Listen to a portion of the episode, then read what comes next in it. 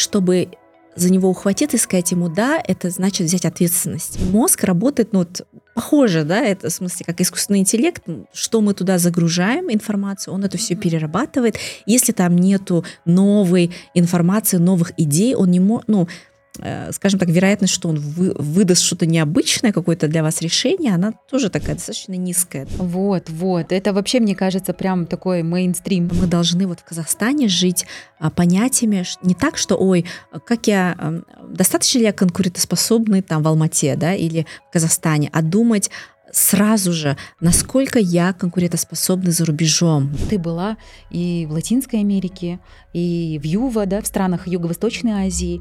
Вот менталитет вот по принятию, да, вот новых технологий, тех же образовательных. Поэтому за рубежом часто говорят, вау, вы такие интересные, у вас столько всего внутри.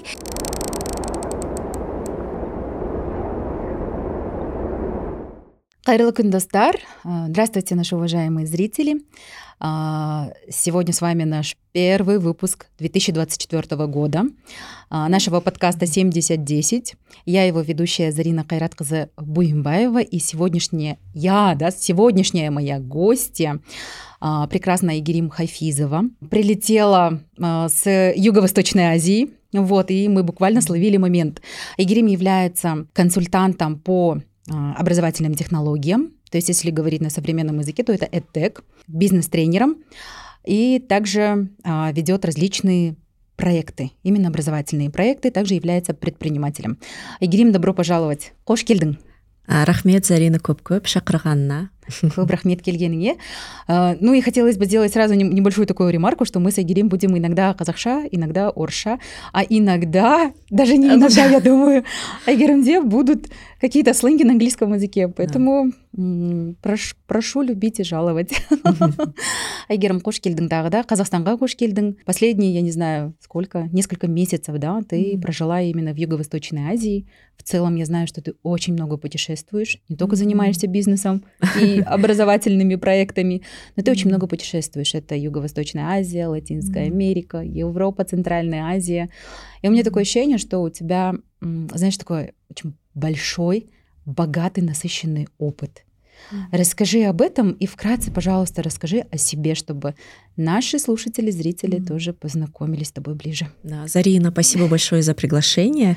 Uh, уже более 12 лет я работаю в сфере образования, и а, моя направленность — это сфера высшего образования, а, это технологии, а, это навыки и а, будущее рынка труда.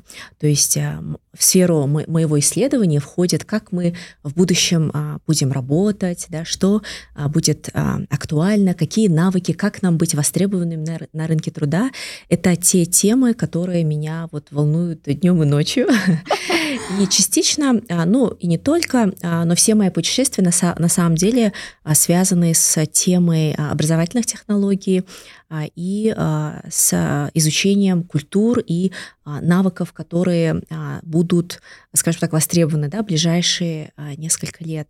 Да, я очень действительно люблю путешествовать, и я думаю, что это тоже просто невероятный способ в нашем новом времени а, изучать. То есть это тоже такой для меня на самом деле образовательный процесс, потому что через а, путешествие, через а, познание других культур мы где-то больше узнаем о себе, да, становимся более acceptive да, к другим культурам, и это также помогает, вот, кстати, я тоже об этом расскажу, один из таких важных навыков это будущего, это способность эм, работать и взаимодействовать с людьми из разных культур. И это действительно Классно. навык, который нелегко, да, так сразу, а, скажем так, получить. И вот для меня это тоже такой сейчас приоритетный навык а, понимания, изучения разных культур и стран. Супер. А расскажи, пожалуйста, вот теперь о себе. Как ты в целом mm. вообще, да, вот где ты mm. училась, чем ты занималась? Да, конечно. Я вот в сферу образования, вообще по а, а, бакалавриату, а, первому образованию я училась в КИМЭПе, в Алмате, и а, моя сфера была международные отношения. Наверное, вот а, те, кто из моего поколения, это вот такое... Это было из... модно. Модно, да, международные отношения, да, финансы, аудит, юриспруденция. Да, да, да, да. И, ну, мне очень нравилось. Вот, кстати, сейчас я, когда соединяю точки, я понимаю, что, оказывается, не, не случайно я оказалась в международных отношениях, ну, тако, дало мне такую глобальную да, перспективу угу. того, что вообще в мире происходит. А, уже после этого а, я ездила на стажировку в, в США, и уже когда вернулась, я начала а, мои первые вот пути, а, шаги в сфере образования. Да. Я работала угу.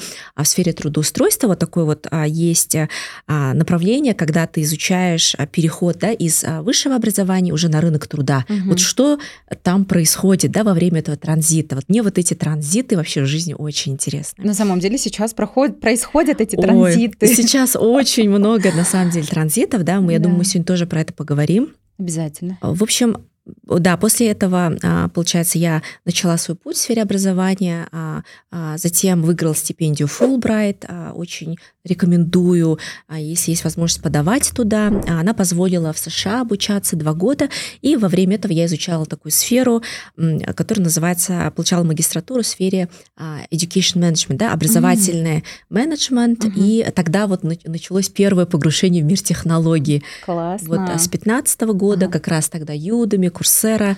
Как раз тогда, mm. да, у тебя был шикарный опыт с юдами. Да, ага. и вот этот опыт позволил, э, он показал, скорее всего, что оказывается, ты можешь в любой точке мира, да, получать образование, неважно, где ты mm-hmm. находишься, ты можешь учиться у топовых специалистов, и меня это вдохновило, и таким образом я вообще перешла в сферу а, онлайн образования еще с 2015 года. Затем а, поработала в Южной Азии, в Пакистане, в проекте Стэнфорда Амал Академи. В течение года мы переводили еще до пандемии Круто. все обучение вот в смешанное обучение формат. Угу. И уже после этого это придало сил основать свою компанию в сфере онлайн-образования. Может быть, кто-то из вас слышал а, компания называется AdGravity, да. Mm-hmm. Вот, до 2022 года я а, занималась и управляла ком- компанией AdGravity. Мы сделали очень классные проекты за эти годы с нашей командой, вот. И, а, скажем так, после этого тоже случился такой большой транзит, да. Mm-hmm. Я тоже могу поделиться. Постковидный период или ты имеешь в виду другой? Mm. Конечно, постковидный тоже. И в целом ковид сильно, да, сферу образования повлиял, потому что все начали э, идти в онлайн, да, mm-hmm. а мы мы, этим занимались еще раньше, но вот во время пандемии даже, ну, мне многие говорили, Айгерим, наверное, сейчас ты такой востребованный специалист, но на самом деле, мне кажется, я вот испытала тогда такое чувство даже, это было слишком много всего происходило, mm-hmm.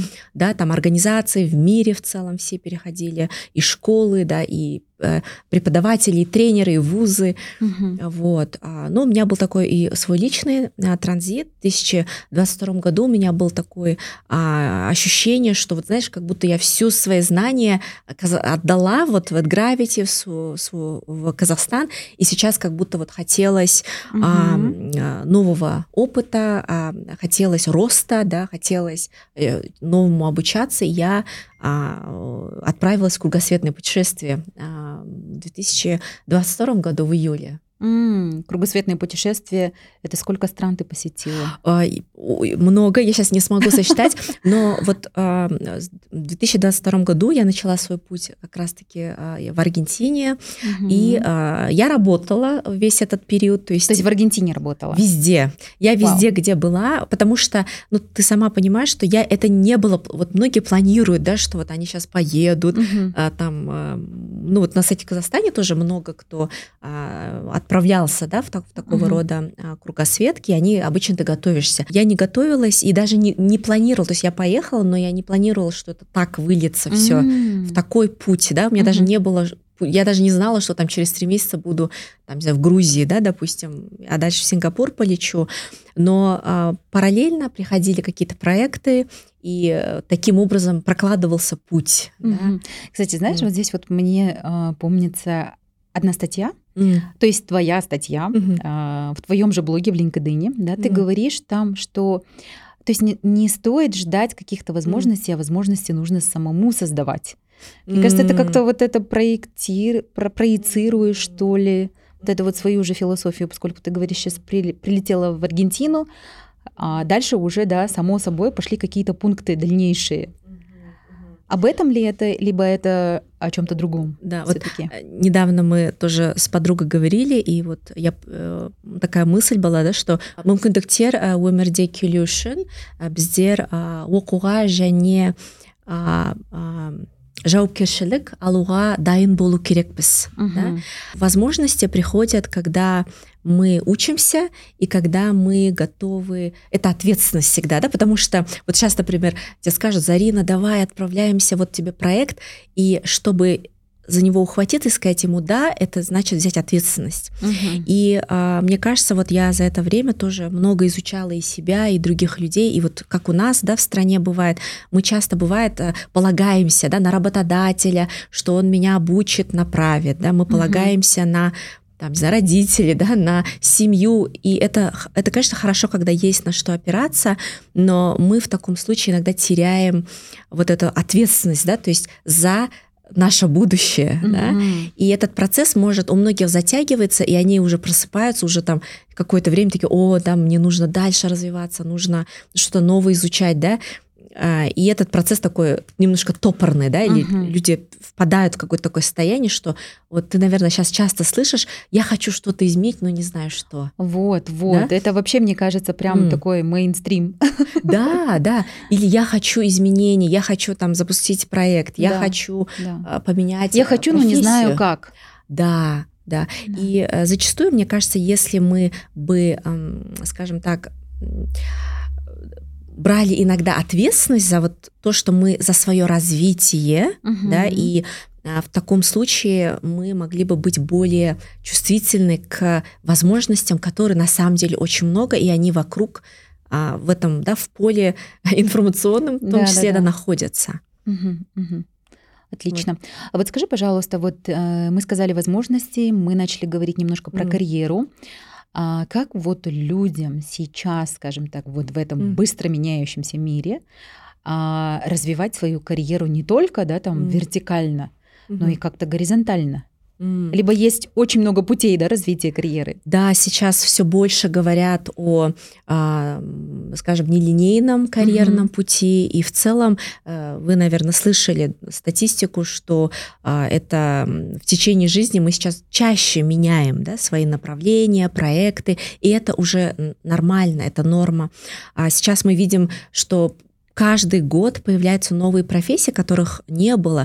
То есть сейчас э, с, с технологиями очень быстро меняется рынок труда, да, то есть э, э, это, скажем, вот несколько есть таких больших макротрендов, и один из них это диджитализация, да, когда все, в принципе, да, наши и финансовые операции, да, и, и работа, она все, все, все проходит через использование угу. технологий, и с этим приходит новые навыки, которые нужно быстро осваивать. Да? Допустим, в прошлом году, а, я вот, кстати, когда была в Таиланде, а, попала в такую а, тусовку uh-huh. ребят, которые уже успели в феврале, когда только-только начали говорить про а, генеративный искусственный интеллект, они уже все изучили и уже запустили свои новые продукты, да, и преподавали, и у них сейчас огромный комьюнити.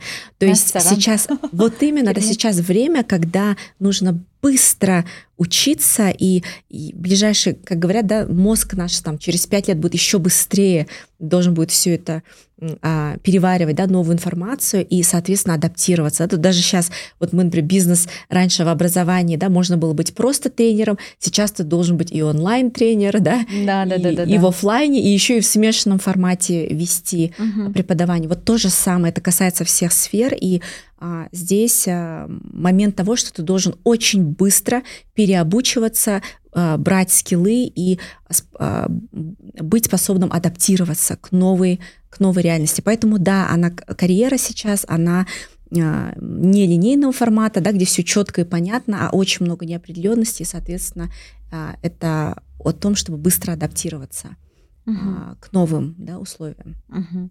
А как ты думаешь, насколько это продлится по времени? Это, скорее всего, э, теперь наша реальность. Угу. То есть это... То есть это будет, это будет... всегда, постоянно, этого уже да, не избежать. Да. Я, конечно, не могу, даже вот мы знаем, да, есть очень э, крутые известные футурологи, и э, не всегда и они могут предсказать будущее. Я не, я не могу точно сказать, да, что это будет так, но то, что мы сейчас видим, э, если все будет так же продолжаться и развиваться, то э, с теми макротрендами, которые сейчас существуют в мире, это, это наша реальность. Да? То есть мы живем вот в новой Э, новой реальности. Ты являешься, да, э, экспертом в образовательных технологиях. Мгм. Какие еще образовательные технологии а, нужно у нас в Казахстане развивать, либо М. адаптировать? Да. Ну, сейчас это, конечно, я не открою Америку, это, Америку. конечно, искусственный интеллект. Вот я э, проводила несколько потоков э, с- э, своего курса и э, задавала вопрос э, людям, а как часто вы используете искусственный интеллект уже сейчас? И к удивлению, ответ был часто, а, ну, я, я спрашивала больше, чем один час в день. Мгм. И очень ма- маленький процент говорил, что да, мы используем в работе. Мгм.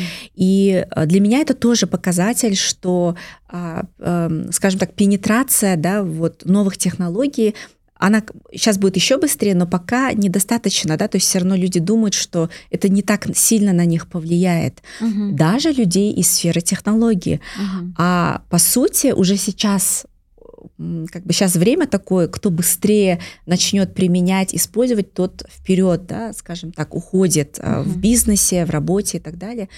Поэтому, ну, я бы сказала, что это, конечно, самый важный и первый, да, на что нужно сейчас а, обратить внимание. И если брать сферу образования, это будет транслироваться в отношении а, адаптивного обучения, да, то есть когда а, искусственный интеллект будет подстраиваться под ученика, и если раньше, да, была там одна модель, все учат по определенной программе, то я очень надеюсь, что в ближайшие годы мы увидим технологии, которые позволят адаптироваться под разного типа ученика, да, Мгм. у кого у кого-то аутизм может быть, да, у кого-то кто-то визуальный ученик, Ну да, Да, да, да. а, вот. а, в этом плане это, наверное, то, что я вижу.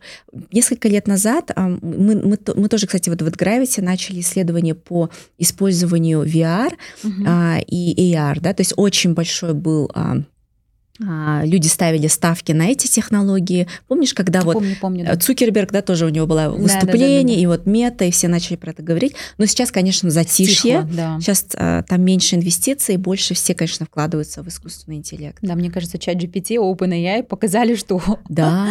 да. что будет в тренде на самом деле. Я тоже часто слышу, и, в принципе, даже когда заходишь в социальные сети, у меня уже везде, да, там, Мгм. обучись там, я не знаю... А, да? Да. AI-технологиям, как его Мгм. применять и как его применять так, чтобы это было полезно тебе. Ой, классно. Да, классно. я честно, буквально сегодня отправила один запрос, и такая говорю, ну, дай-ка я посмотрю. Чат GPT, в принципе, аштым, карадым, да, көрдым. Где-то я его юзаю, вот, но не так часто, в принципе. Но я думаю, это реально очень крутые возможности на самом деле. Нам нужно Да. правильно просто использовать их, Мгм. научиться. Мгм. Когда Брн Excel кезде мы же тоже же не знали, как им пользоваться. И сейчас очень много людей, которые до сих пор не умеют пользоваться. А там-то много, скажем так, благ у Excel. Вот, наверное, примерно так. И знаешь, Зарин, добавлю, есть одна экспертка, Элли Кей Миллер. Мгм. А, Мне нравится, как она пишет. Она адвайзит топовые компании а, по искусственному интеллекту.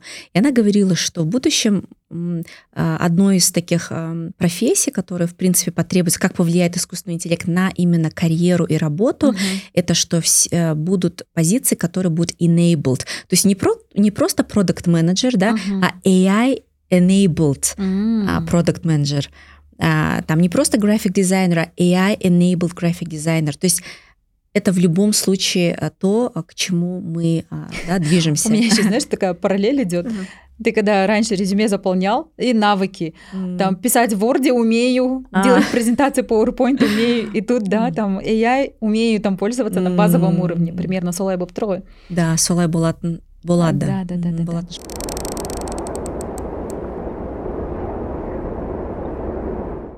Знаешь, мне, меня вот очень интересует то, что Сен, ты была и в Латинской Америке, и в Юва, да, в странах Юго-Восточной Азии. Вот менталитет, вот по принятию, да, вот новых технологий, тех же образовательных. Как оно там происходит по сравнению с э, нашим же Казахстаном? Если сравнивать э, Латинскую Америку и э, вот и, допустим, Юго-Восточную Азию, то, конечно, Юго-Восточная Азия быстрее. Я это даже почувствовала. Ну да. Ну вот и в Европе нет таких скоростей, да, кто, Абсолютно. в принципе, был и там, и там знает, что Мгм. то, как ты приезжаешь там, не знаю, в Таиланд или Сингапур, и тут же все подключается, интернет быстрый, Мгм. а, то, конечно, а, и в целом а, те возможности, которые используют люди да, в своей работе, Мгм. А, в Юго-Восточной Азии намного выше, чем а, в Латинской Америке. В Латинской Америке был интересный тренд, который я наблюдала. Я а, специально поехала и снимала коворкинг-пространство в пространстве, которое называется Селина. Это такая сеть, интересная компания, которая построила сеть по всей Латинской Америки, там Бразилия, Аргентина, где ты можешь из любой точки, например, покупая пакет э, за месяц, ты можешь работать из разных локаций, да, там Буэнос-Айрес, завтра ты полетел в Колумбию, в Медельин, ты оттуда работаешь. И для меня вот это было интересно, увидеть. И в основном, конечно, приезжали работать а, люди из Америки, из Канады, США и Канады, потому что одинаковая временная зона. Угу. То есть, э, например, программисты, да, дизайнеры, они приезжали а там. А почему они приезжают туда? И оттуда, и оттуда. Потому что, смотри, да, допустим, в Сан-Франциско у тебя аренда. А, это, конечно, позволило пандемия, что можно было работать удаленно. Ага. Угу. И многие а, стартапы стали переводить свои команды в онлайн. Угу. Вот я встретила ребят, там основатели Y Combinator, выпускников, которые Круто. Э, выпускников Y Combinator, которые эм, вот полностью полностью команда их была на удаленке. Mm-hmm. Почему? Потому что это было еще и дешевле. Ну да. И ты мог и путешествовать, и изучать мир, да, и да, да, да. работать угу. а, таким образом. Угу. И в сравнении получается вот mm. Юго-Восточная Азия с Латинской Америкой, они небо да. и земля. Я не знаю, не могу сказать, что небо и земля, но в плане, а, конечно, чувствуется большая разница а, того, как развиты технологии а, в Юго-Восточной Азии. Там в Азии вообще скорости намного выше, чем даже сравнивая с Европой или с Латинской Америкой. Даже если это помимо там Сингапура, да, Гонконга, mm. скажем, да. А, если брать такие страны, как Индонезия, Малайзия. Да, особенности Индонезия, Малайзия и Таиланд, mm-hmm. страны, которые сейчас очень быстро развиваются. Mm-hmm. И а, если вот брать, например, Казахстан, то, mm-hmm. ну, есть статистика, что в Казахстане ну, даже в Сингапуре иногда тебе нужно использовать наличку, да, в Казахстане тебе наличка, ну, не нужна, да, то есть да. Э, там и Каспи, и E-Government, да, который да. у нас сейчас есть, правительство, в принципе, ты можешь, я получала свое ЦП онлайн, да, это угу. редкость на самом деле, да, угу. мы, по-моему, 26 да, место по электронному правительству ну, занимаем. у нас очень-очень круто развито на самом деле да? это все, да, я вот э, во Франции, угу. извини меня, там, ты, не, ты ждешь там две недели, от двух недель до месяца можешь дать какое-то рандеву. Да, да, и справку какую-то. А здесь да. это буквально за а, происходит а, за, за секунду, да. да. Поэтому да, да. да, в этом плане, а, конечно, Азия ну, является таким ну большим источником информации, вдохновения, да, особенно для тех, кто работает в сфере технологий. Поэтому, кстати, наши сейчас многие казахстанские угу. предприниматели едут. Наверное, Зарин, ты тоже, да, слышала в, а, в Индонезию, в Малайзию. Очень много. Да, да, да. в Сингапур. Да, да, и развивают свои проекты там. Да, ну и плюс ко всему, что ну, в Индонезии, там, I'm sorry, 270 э, миллионов да, там, жителей. Mm-hmm. И по сравнению с Индонезией в Казахстане как бы масштабироваться mm-hmm. тоже, да, да население да. очень, mm-hmm. скажем так, э, небольшое. И там открываются да. Э, возможности другого масштаба. Да, да, да, там другого mm-hmm. масштаба. В принципе, если так посмотреть, говорят, что Индонезия с Казахстаном по менталитету, по ментальности, mm-hmm. да, они где-то схожи. Mm-hmm. То есть и, скажем так, э, потребности тоже, в принципе, да, то есть mm-hmm. они не сильно скажем mm-hmm. так, вперед ушли, но тем не менее население позволяет, да, где-то что-то там делать, mm-hmm. особенно там какие-то именно технологичные, да, продукты запускать. Да, да. Вот обратно, если возвращаемся к карьерному пути, mm-hmm. ты вот говорила, что человек сам должен определять свой карьерный путь. Как mm-hmm. это сделать, как прийти к этому все-таки? Угу. А если э, вопрос о транзите, когда человек уже готов, да, то есть чувствует, что пришла пора каким-то изменениям. Обычно это происходит также связано с жизненными циклами да, человека, угу. там, к 30, да, к 40, вот такие есть, э, там кто-то говорит, важные годы, да, когда человек зад... больше задумывается о а, смене да, работы, направления или страны mm и так далее. А я помню, что когда я подходила к этому процессу э, и в целом встречала людей, я слышала такое, что э, нужно скажем так, погрузиться в себя, медитировать э, и заниматься саморефлексией. И вот там внутри, если заглянуть, ты найдешь вот этот ответ. Ага. Да? И часто встречала людей, которые говорили, блин, а там нет ответа. Иногда нет. Конечно, да, то есть саморефлексия – это очень важный инструмент для в целом самопознание, он должен быть, но а, в такие особенно транзитные периоды человеку, а, наш мозг, мозг работает, ну вот похоже, да, это в смысле как искусственный интеллект, что мы туда загружаем информацию, он это все угу. перерабатывает. Если там нету новой информации, новых идей, он не может, ну, э, скажем так, вероятность, что он вы, выдаст что-то необычное, какое-то для вас решение, она тоже такая достаточно низкая. Да? Угу. Поэтому, во-первых, это а, когда ты открываешься и начинаешь э, изучать, откры... Э, становишься открытым новым знанием, да? Угу. Знание через что приходит, да? Через а, обучение, да? Через других людей, да, в том числе. А, это, во-первых.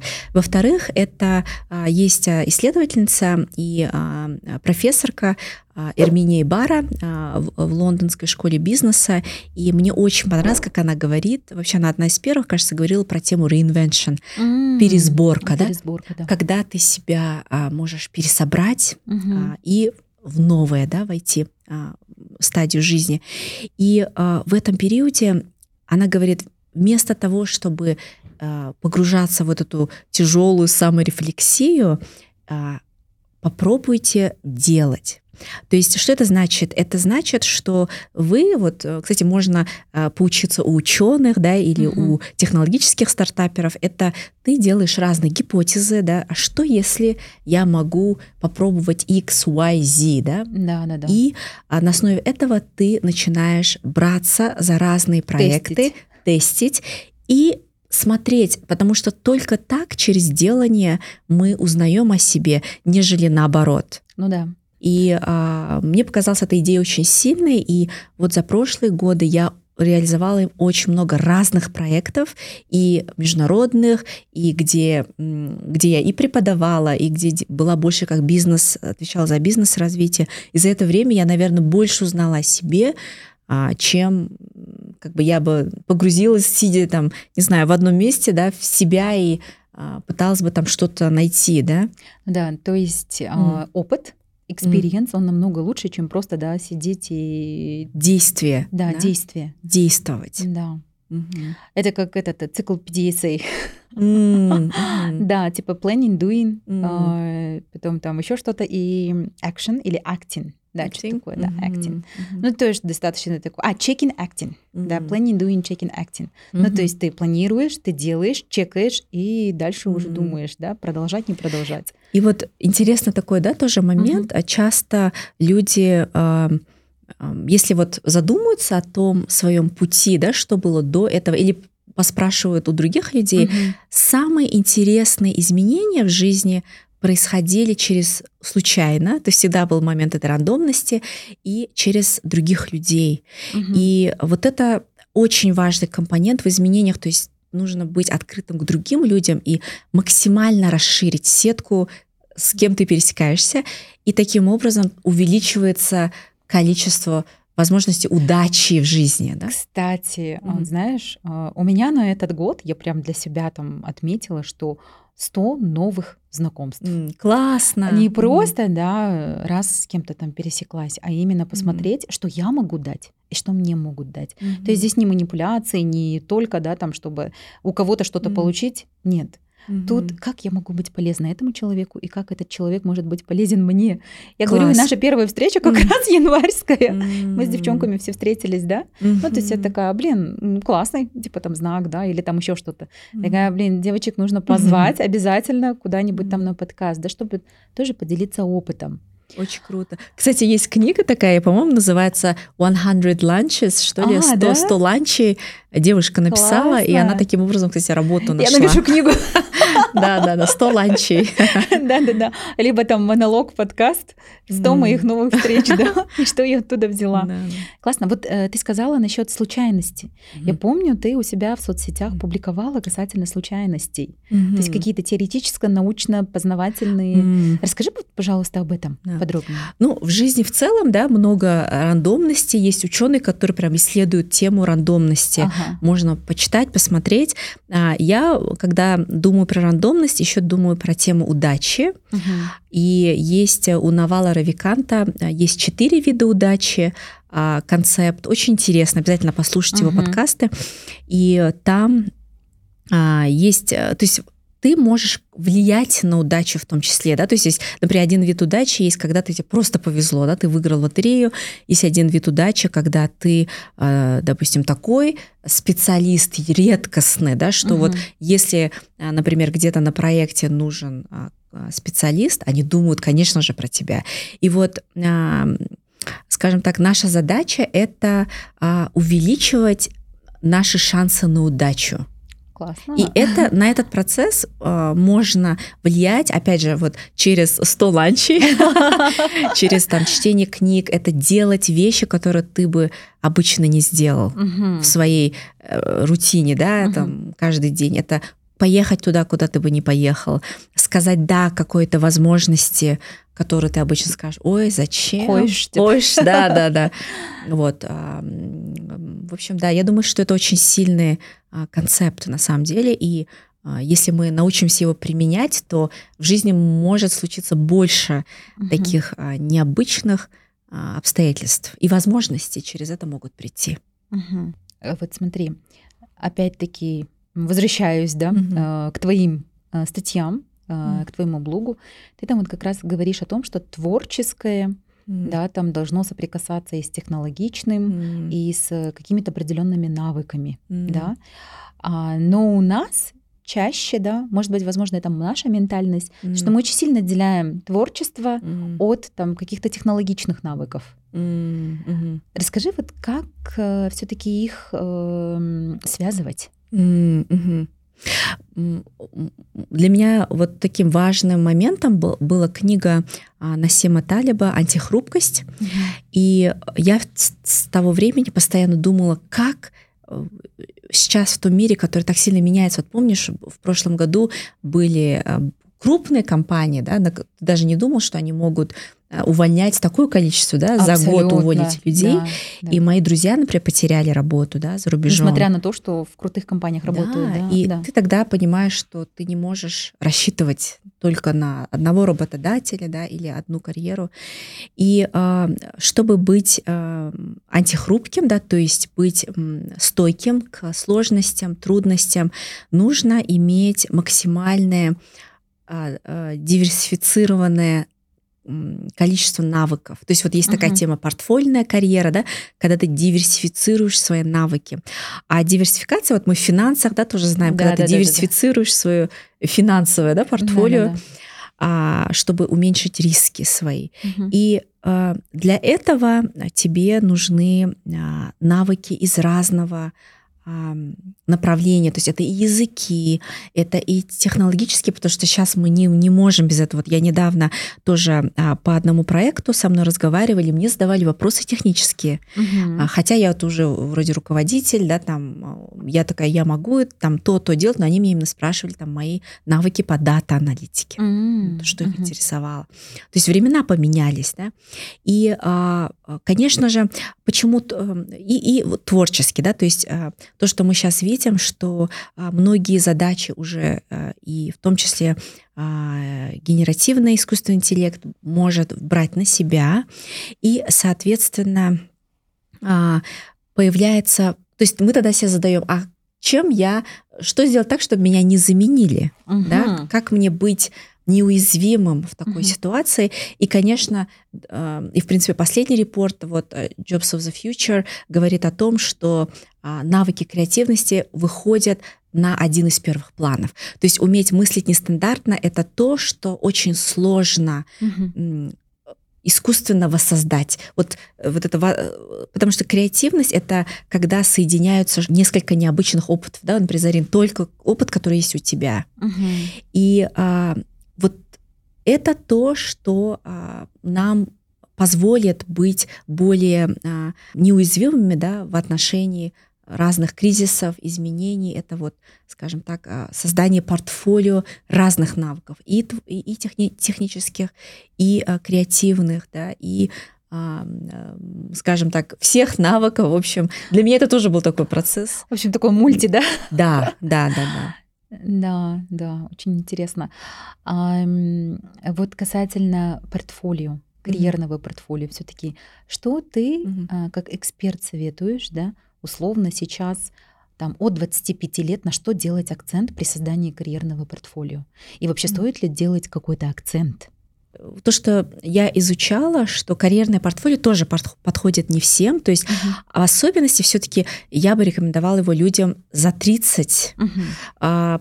Почему? Потому что, чтобы умо, быть способным создать несколько, потому что портфолио, оно тесно связано с рабочей идентичностью, uh-huh, да, uh-huh. твоими ролями. То есть роли что может быть? Там я графический дизайнер, да, я предприниматель, uh-huh. я преподаватель uh-huh. в ВУЗе, да, я uh-huh. академик.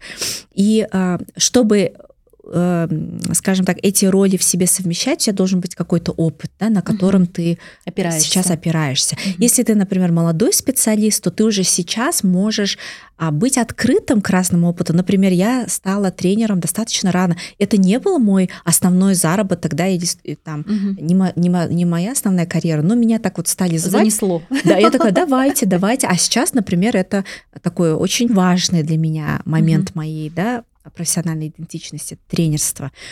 Вот. И а, что, что, такой важный здесь момент, это тоже, опять же, тестировать, да, угу. и определить для себя. Я, например, выделяю четыре направления, мне так легче, я могу это держать в голове, которые я могу развивать. Для меня это, допустим, консультант а, по образовательным технологиям, здесь я больше работаю с а, межправительственными организациями, международными организациями, да, с компаниями, а, и, скажем так, свою определенную экспертизу угу. даю угу. Да, а, здесь. Также есть идентичность там тренера, а, и а, здесь она через мой инстаграм, да, я делюсь угу. по теме карьеры, транзитов и так далее. Угу. И, в общем, таким образом ты расширяешь свою сетку, и это позволяет, во-первых, быть более скажем так, независимым, да, получать разные источники дохода, и особенно для тех людей, которые вот, Зарин, э, которые очень активны, вот у них много энергии, они могут, тоже не всем кстати, подходит. знаешь, вот после а. тебя, кстати, я здесь хочу отметить, что я у Айгерим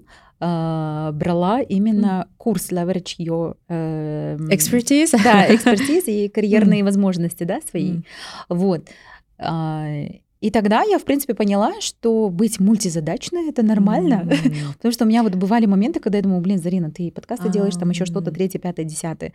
Но когда ты мне вот по карьерному портфолио разложила, так по полочкам, мне стало ясно, mm-hmm. да, что, блин, блин, это it's okay, как mm-hmm. бы так можно, ол нормально олай болады и да, да, да. ертең мына жақта бір нәрсе болмай қалса сенде мына мүмкіндігің бар болмаса мына мүмкіндігің бар бар иә иә яғни мүмкіндіктеріңді шектемейсің вот поэтому хотелось бы тоже да когда действительно тебе уже за 30 когда ты уже более осознанный и когда ты уже возможно да имеешь какую-то ценность а, не в плане, да, именно финансов, а именно опыта. Действительно, да, вот диверсифицировать, да, какие-то свои навыки и это э, оформить в какое-то карьерное портфолио. Да, да. И, да. наверное, вот в ближайшие годы тоже будет больше предпринимателей, а, да, людей, которые для которых бизнес это не будет что-то отдельное, да, э, которое человек должен там несколько лет готовиться, или вот ты можешь быть предпринимателем да, или нет, да? да? Да. А все-таки больше людей будут э, совмещать предпринимательство в своей карьере в том числе. А вот э, все-таки нас тоже смотрит молодежь, достаточно, да, э, скажем так, 18-25 лет. А вот как им начинать карьеру? Что бы ты посоветовала как карьерный коуч, как э, тренер, как бизнес-тренер? Конечно, в, э, в этом промежутке очень важно э, опираться на то, ну, например, если вы работаете да, в какой-то одном направлении, uh-huh. допустим, продукт менеджер да, как продукт менеджер uh-huh. или как графический дизайнер, то а, очень важно в этом направлении а, копать глубже, да, потому угу. что э, когда э, допустим, к 30 ты уже делаешь портфолио, все равно мы не, не ценятся специалисты, которые вот везде-везде, но непонятно, да, то есть мы все-таки обращаемся да, к тем, да. у которых есть какая-то глубокая экспертиза, и мне кажется, очень важно для себя определить, в какой э, сфере да, у вас будет эта глубокая экспертиза, либо индустрия, да, либо какой-то скилл, который вы очень хорошо умеете. Э, также очень важно опор делать э, да, на а, hard skills, да, на твердые навыки. То есть что ты можешь делать руками?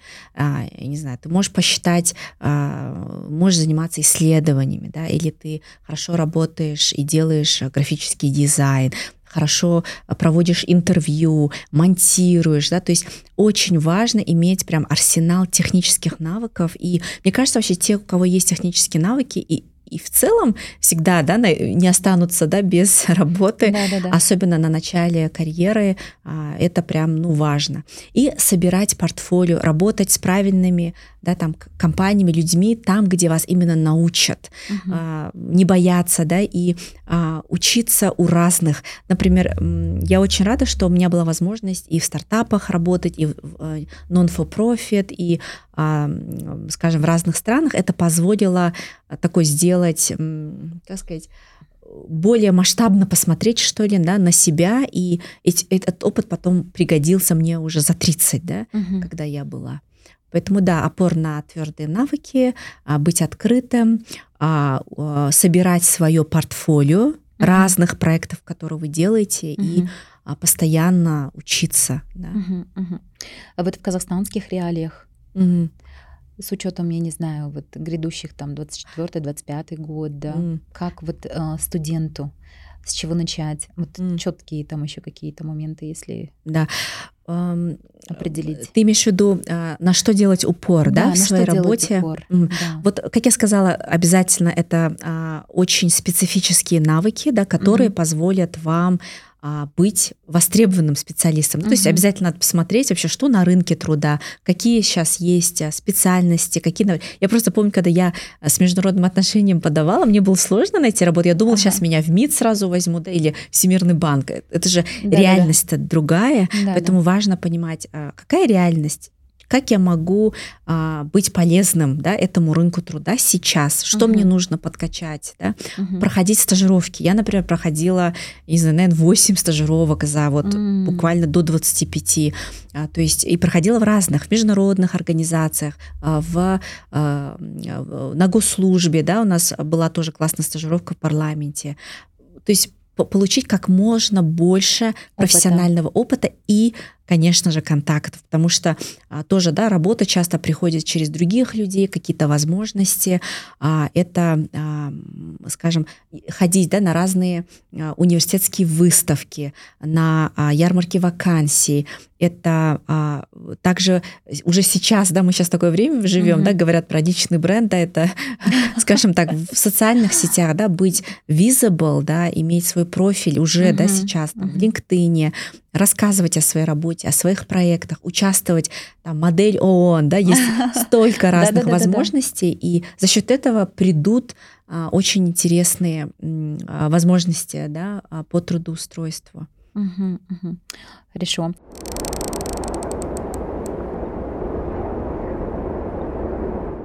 Игорь, можешь вот поделиться какими-то своими интересными кейсами, возможно, да, там мотивирующими, да, где-то, я не знаю, что-то не получилось, а тут хоп, и ну, какие-то лучшие возможности, да, mm. появились. Конечно. Я, эм, да, вот, наверное, один из самых ярких это был, когда я поступала на магистратуру, и я не поступила. Я, я два раза а, прошла до интервью по Фулбрайт и по, по стипендии Маски, и не сразу получила. Я тогда очень расстроилась. Угу. Прям, ну вот, я очень рассчитывала, уже в голове так представила, что я поеду, и не получилось. А, я очень рада, что не получилось, потому что в первый раз я вообще подавала по сфере политика Ближнего Востока. Вау.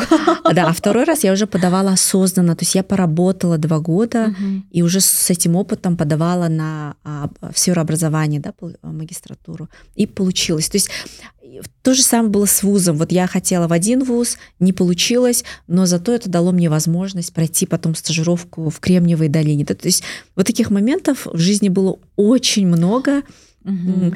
И я сейчас вот уже, если что-то не получается, я, у меня такое есть доверие, да, хорошо, значит... А, так ну, надо. Так надо. И будет да, лучше. И да. будет лучше. Кстати, вот расскажи, пожалуйста, mm. о стажировке в Кремниевой долине. Mm-hmm. Насколько я знаю, ты в Юдами, да, на тот момент стажировалась? Да, да. Получается, это была ч- э, программа маски. Она была частью все-таки Фулбрайта. А, Поэтому, да, да, да, да, да, я очень рекомендую подавать на программу Фулбрайт, и она позволяет подать уже дальше на маски. Но, mm-hmm. в принципе, а, сейчас, да, и если ты в Лондоне учишься, да, там сейчас по, по программе Булашак и по другим программам, да, там uh-huh. Чивнинг, и в Штатах, в принципе, ты можешь остаться, да, даже на год и поработать. Uh-huh. Вот есть такие программы, которые позволяют там OPT, да, допустим, взять uh-huh. и получить профессиональный опыт. Мне кажется, это бесценно угу. если получится так сделать. Угу, угу. То есть все-таки ты советуешь, да, брать mm. какое-то именно иностранное образование, либо mm. ну, вот, путешествовать и так да. далее дополнительно. Я, наверное, не могу советовать, но э, я бы все-таки присмотрелась к этому, потому что это расширяет горизонты. Угу. Это тебя уже... И вообще, мне кажется, мы должны вот в Казахстане жить а, понятиями не так, что, ой, как я... Достаточно ли я конкурентоспособный там в Алмате, да, или в Казахстане, а думать сразу же, насколько я конкурентоспособный за рубежом, да, угу. и уже вот это тебе дает другое а, мышление. Ты уже думаешь совсем по-другому. Ты уже такой, блин. Например, я сейчас очень стала упор делать на другие иностранные языки, потому что я сейчас мониторю рынок, uh-huh. и столько возможностей. Я, например, какие-то не могу взять, а какие-то наоборот могу взять только из-за знания языка. Mm-hmm. И вот у нас есть уникальное преимущество, так как мы на казахском говорим, на русском, да, и на еще английском. на английском у нас очень хорошая способность. Зарин, ты вот на, по-французски, на французском училась, да, магистратура. Да, да. Это уникально, не у, не у каждого, не, у, не во всех странах есть такой Кстати, талант. Сейчас вот ты, ты мне прям, mm. знаешь, вот уже несколько раз повторяла а. во время нашего коучинга. Я такая, блин, реально, я его нигде не юзаю. Mm. Вот нужно сделать на это упор, деп. Уже да. дум, начала думать, но пока никаких шаги, шагов еще не предпринимала. Mm. Ну, по крайней мере, в, в голову уже как-то засела. Mm-hmm. Действительно, поэтому мы тоже советуем всем, скорее всего, да. Ну, не то, чтобы даже советуем, да, а как бы лучше использовать какие-то возможности, mm-hmm. тем более языковые, да, учить. Конечно. И да. идти на глобальный рынок труда. Да, да, да. Блин, ну это страшно же. Страшно, да. Как с этим страхом бороться? Да. Мне кажется, страх будет всегда, но это, а, это, скажем так, лучше побояться и попробовать, чем не сделать и потом жалеть, да. Угу. Я не про то, что всем нужно уезжать, там это точно не мое. У нас сейчас Мне кажется, в нашей сейчас стране... можно даже отсюда да. сидеть и работать. Конечно. На я, например, компании. Я тоже работаю удаленно, неважно, да, в какой я нахожусь части земли. Я, я к тому, что у нас тоже, у нас сейчас очень много возможностей в стране, угу. но я к тому, что когда ты думаешь о том, что именно глобальный рынок как бенчмарк, да, вот угу. очень много индусов, да, кто таким образом э, скажем, себя, да, они прокачивают, я видела, это, это одни из лучших кадров за рубежом, да, там индусы, пакистанцы, потому что у них такая конкуренция, и они очень много, они стараются, да, там прокачиваются, развиваются, и их бенчмарк — это международные возможности. А вот, допустим, да, вот мы пытаемся построить а, великолепную карьеру, mm. а, там попробовать себя там, здесь и так далее. А как справляться с стрессом? Это же все-таки mm. последствия, да, каких-то, да. скажем так, таких хард mm. э, планинга, да? Стресс. Да. Я даже, кстати, это еще и связано с тем, что сейчас все быстро меняется. Да, У нас постоянная да. вот эта фома, да, страх, что мы не успеваем. Да. Особенно глядишь там социальные сети и все такое ощущение, как будто ты последний да. неудачник или неудачница. Да, это это сильно, кстати, исследования есть, которые действительно покажут, что социальные сети не очень на нас негативно влияют в плане вот этом как раз-таки, да, чувство счастья, потому что ты, мы себя сравниваем с другими людьми, и счастье наше как сказать, Кажется, к сожалению, что... иногда от этого зависит, поэтому нужно быть очень осознанным, да, когда ага. мы видим других. А, стрессом справляться, я могу на личном опыте, это обязательно поддержка именно своего физического тела, потому что когда мы все время за компьютером, мы иногда не живем Да. в настоящем моменте, да. Мгм. Я сама эти- этим страдаю и забываем быть здесь и сейчас, Мгм. и это возможно через а, там обязательно спортивная рутина, да, какая-то. Это сейчас можно делать и недорого, да, и бесплатно, в принципе, Онлайн. да, онлайн Дома. заниматься. Я, кстати, часто так занимаюсь. А, Это мне помогает лично йога, а, медитации. Много исследований выходило за последние годы, которые показ- показали эффект медитации на нашу а, нервную систему. Поэтому это все, мне кажется, прям необходимо сейчас, Мгм. чтобы не сойти с ума в этом быстром мире, да? Да, потому что, не знаю, я вот потеряла телефон, условно, вот буквально недавно, и, в принципе, оказалась без связи. И у меня уже, знаешь, вот пальчики прям тянутся к телефону, да, к да, другому да. телефону, который уже не мой. А там у меня ни социальных сетей, да, ни мессенджеров. Я понимаю, что я немножко, не знаю, не немножко, а прям зависима от э, девайса, от Телефона. Мы очень зависимы, это действительно так. А Да. наше э, младшее поколение, да, которое после нас еще больше, это уже наша реальность, нам надо с этим, да, как-то теперь жить, Справляться, да? справляться. А есть какие-нибудь интересные, я не знаю, исследования касательно М. этого, которые ты читала? Касательно именно Именно вот зависимости, да, зависимости, да, вот от э, социальных сетей, Я могу потом тоже с тобой поделиться. Сейчас прям не вспомню а, каких-то конкретных им, имен да, исследователей, но а, вот есть классный курс у Лори Сантос, называется «Наука о благополучии». а, а, Science of Well-being, и она там, она профессор психологии, и она прям рассказывает, как наше состояние, а, как это все влияет на нас, технологии, как негативно влияют Facebook и Instagram Мгм. на то, что на самооценку, допустим, особенно молодежи, да, которая очень уязвима и себя сравнивает, да, даже, ну, не у всех же там от рождения хорошая самооценка. Я тоже захожу, расстраиваюсь иногда, да, Ну там бывает, да. Конечно. Вот, и а, она дает разные техники, они, конечно, интересно, они все связаны, опять же, с медитацией, с а, осознанностью, а, с тем, чтобы быть больше в настоящем моменте, да, и, скажем так, ну, на самом деле, вот это то, что помогает а, с этим стрессом справляться. Очень рекомендую такой классный курс, Мгм. а, как раз-таки вот про это все рассказывает она Мгм. там. А еще плюс, ну, наверное, это уже такой личный вопрос, но если а, тебе как бы некомфортно, ты можешь не отвечать на этот Да. вопрос, но какими проектами на данный момент ты занимаешься и как бы это Мгм. было полезно а, обществу? Да, Мгм. вот поделиться либо какими-то там навыками, да, какими какие Мгм. ты, возможно, там а, набрала, Да. да, либо увидела. Да, вот я сейчас веду, а, вот, кстати, сейчас я тоже в процессе, когда я учусь новому. А, Например, вот мне сейчас придется учиться, э, учиться заново статистике, которую я проходила в университете в 2015 году. Теперь она мне будет нужна потому что мы будем проводить исследования. Я а, веду несколько проектов. Вот, как я говорила, я стараюсь сейчас выстраивать портфолио. И а, одно это а, я консультирую международные организации и межправительственные. Мы сейчас ведем исследования по смешанному обучению Мгм. в школах Казахстана, да, то есть а, как какую модель смешанного обучения, это значит, да, онлайн и офлайн, Мгм. мы а, можем применять а, в школах да, Казахстана. То есть это вот одно, одно направленность, она больше такая академическая, исследовательская да, Мгм. а, сфера, которой я занимаюсь. А втор- второе направление это тренерство. Вот а, я делаю разные проекты за рубежом. А, Я была тренером в Бразилии, в Индии по онлайн-обучению. Сейчас мы тоже а, несколько проектов будет в этом направлении, когда я уже а, тренирую а, т- тренерство, но это такие зарубежные да, проекты, вот, связанные с а, развитием человеческого капитала и тренерства. Также а, я запустила несколько своих курсов, потому что я очень люблю преподавать. А, У меня много контента и бесплатного, да, в Инстаграме, который Очень есть. много.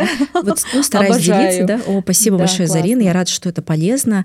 А, и а, также вот а, веду разные курсы а, по как навигировать в карьере и также как leverage, да, Мгм. твой опыт. Мгм. И кто меня знает по AdGravity, я еще и предприниматель, поэтому параллельно у меня еще разные а, предпринимательские проекты, бизнес-проекты, которые я веду а, параллельно со всем этим. Вот один из проектов мы делали в Сингапуре а, по Ed- EdTech Asia, да, а, по, по, а, образовательным технологиям. Это один из проектов. Вот. Ну и много То есть других. Вы там организовали э, какой-то форум, платформу, либо вы как-то везете туда? Да, то есть это было, а, я работала вместе с самой организацией, ага. да, это, а, это одна из а, крупнейших конференций в, в Юго-Восточной Азии. И вот я ездила в 2023 году, это был Сингапур, то есть мы возили а, центральноазиатские стартапы и специалистов в сфере образования Э, шоукейсить да, наш регион mm, именно. Круто. То есть вот у меня есть такое еще внутреннее желание делать проекты по продвижению а, Казахстана и региона. Это мой такой вот а, Кстати, страсть, я вот помню, да. я вот помню на курсе ты говорила вот то, что mm. ты представляешь себя как вот э, из Казахстана, из Центральной mm. Азии, казахпан, казашка, деп. ну то есть mm. тоже делаешь на такой упор, да, я так понимаю. Да, и, и сейчас такое интересно, на самом деле, к нам, к региону, и так как ага. у других а, стран, да, людей из других государств нету даже про нас представлений. То есть есть ага. представление, кто такие бразильцы, да, кто такие там французы. А про нас нет, но это позволяет а, как раз-таки а, нету у людей картинок, и ты можешь а, создать свою да, реальность и рассказывать продвигать страну, потому что часто, наверное, тебе тоже, да, говорили, ой, ты первый там да, э, говорили. казахстанец, за которую я вижу. Да, да, да. И поэтому, говорили. мне кажется, сейчас такая возможность а, и, скажем так, привлекать в наш регион угу. интересных специалистов, да, кадры, э, инвестиции, рассказывая про наш угу. регион. А есть планы вот сделать что-то такое прям, ну, не скажу, что крутое, это как-то да. пафосно звучит, угу. но полезное, а, нужное угу. именно в образовании в Казахстане. Да. Ну, мне кажется, я посвятила этому последние э, сколько, 7-8 лет, угу. делая, здесь. делая AdGravity, где мы сделали проекты и по вакцинации детей, записывали курсы с учеными, угу. да, по биологии. Мы делали курсы для матерей, для родителей.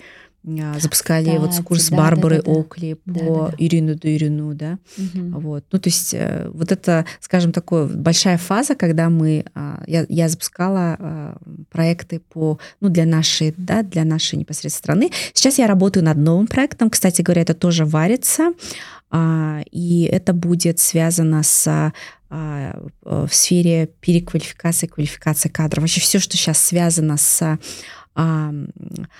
навыками будущего и как подготовить наши кадры а, к будущему а, рынку труда. Я сейчас работаю в том числе над проектом в этой сфере. Хочу, если получится, может быть, сделать исследование в этом направлении. Mm. Вот. Кстати, ну, это такие планы, да. Круто, чтобы все реализовалось. Mm-hmm. И реализовалось даже лучше, чем ты Спасибо планировала. Большое. Да. Mm-hmm. Вот, кстати, касательно адаптивности. Mm-hmm. А насколько все-таки мы, да, ну, ты же в принципе, у тебя же такой же опыт, достаточно mm-hmm. такой, да, глобальный. И если делать такой локальный акцент, то насколько mm-hmm. мы адаптивны к новым mm-hmm. реалиям? Мы ну, как наш народ, страна, население, да? да, как страна. Недавно а, моя подруга ездила а, в Монголию. Ага. Э, дерби есть такое у них а, соревнование очень сложное, где ты на лошадях несколько дней скачешь по, по вот степи вот так. Ага. И мы с ней говорили, э, что по сути, это последние где-то вот, не знаю, наверное, век, как мы не являемся коч, э, кочевым народом, да, то есть это достаточно новая для нас тоже стезя, и как мы быстро вообще поменяли полностью наш устройство, образ жизни. Образ жизни. И у меня, кстати, есть одна девушка, которая изучает эту тему угу. перехода Казахстана вот э, из, да, э, как это, sedentary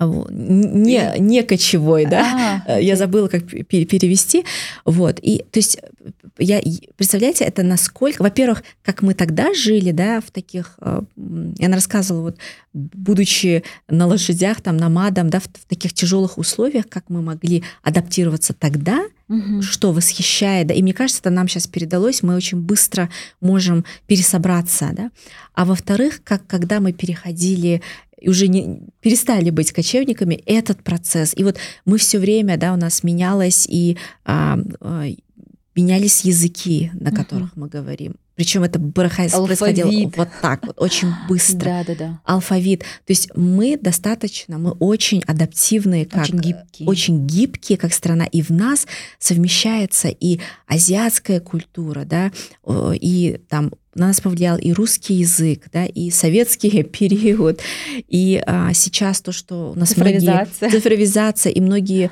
а, изуча, там обучались за рубежом и вернулись, и вот сейчас, мне кажется, делает Поэтому за рубежом часто говорят, вау, вы такие интересные, у вас столько всего внутри, и мы поэтому можем ключ находить культуру к разным культурам. Мне кажется, это наше конкурентное преимущество как страны на самом деле. Уникальность. Да? Уникальность. UVP mm-hmm. наша. Да, наша UVP.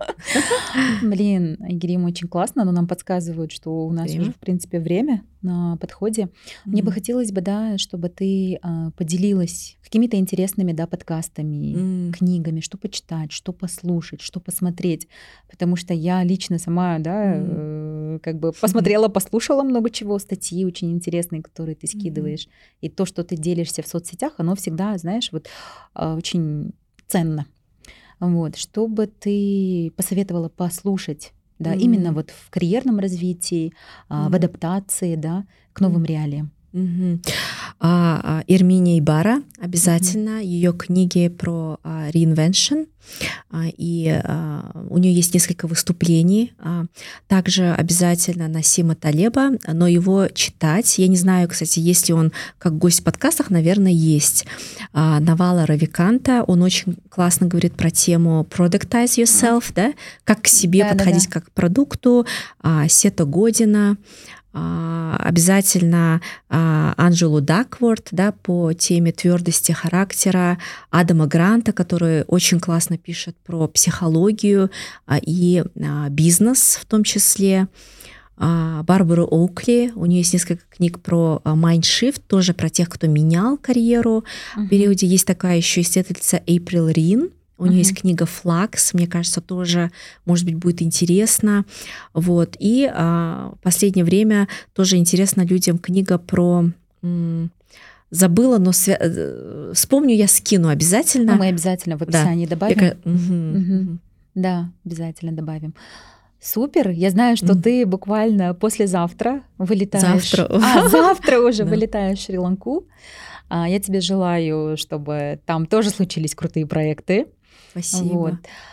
И жду тебя на моем подкасте 7010 уже казах тілінде. Казах тілінде обязательно. Вот, жасаймыз. Да, бұйырса жасаймыз. Бұйырса әдемі сондай бір тұшымды контент жасаймыз деген үміттемін, сенімдемін.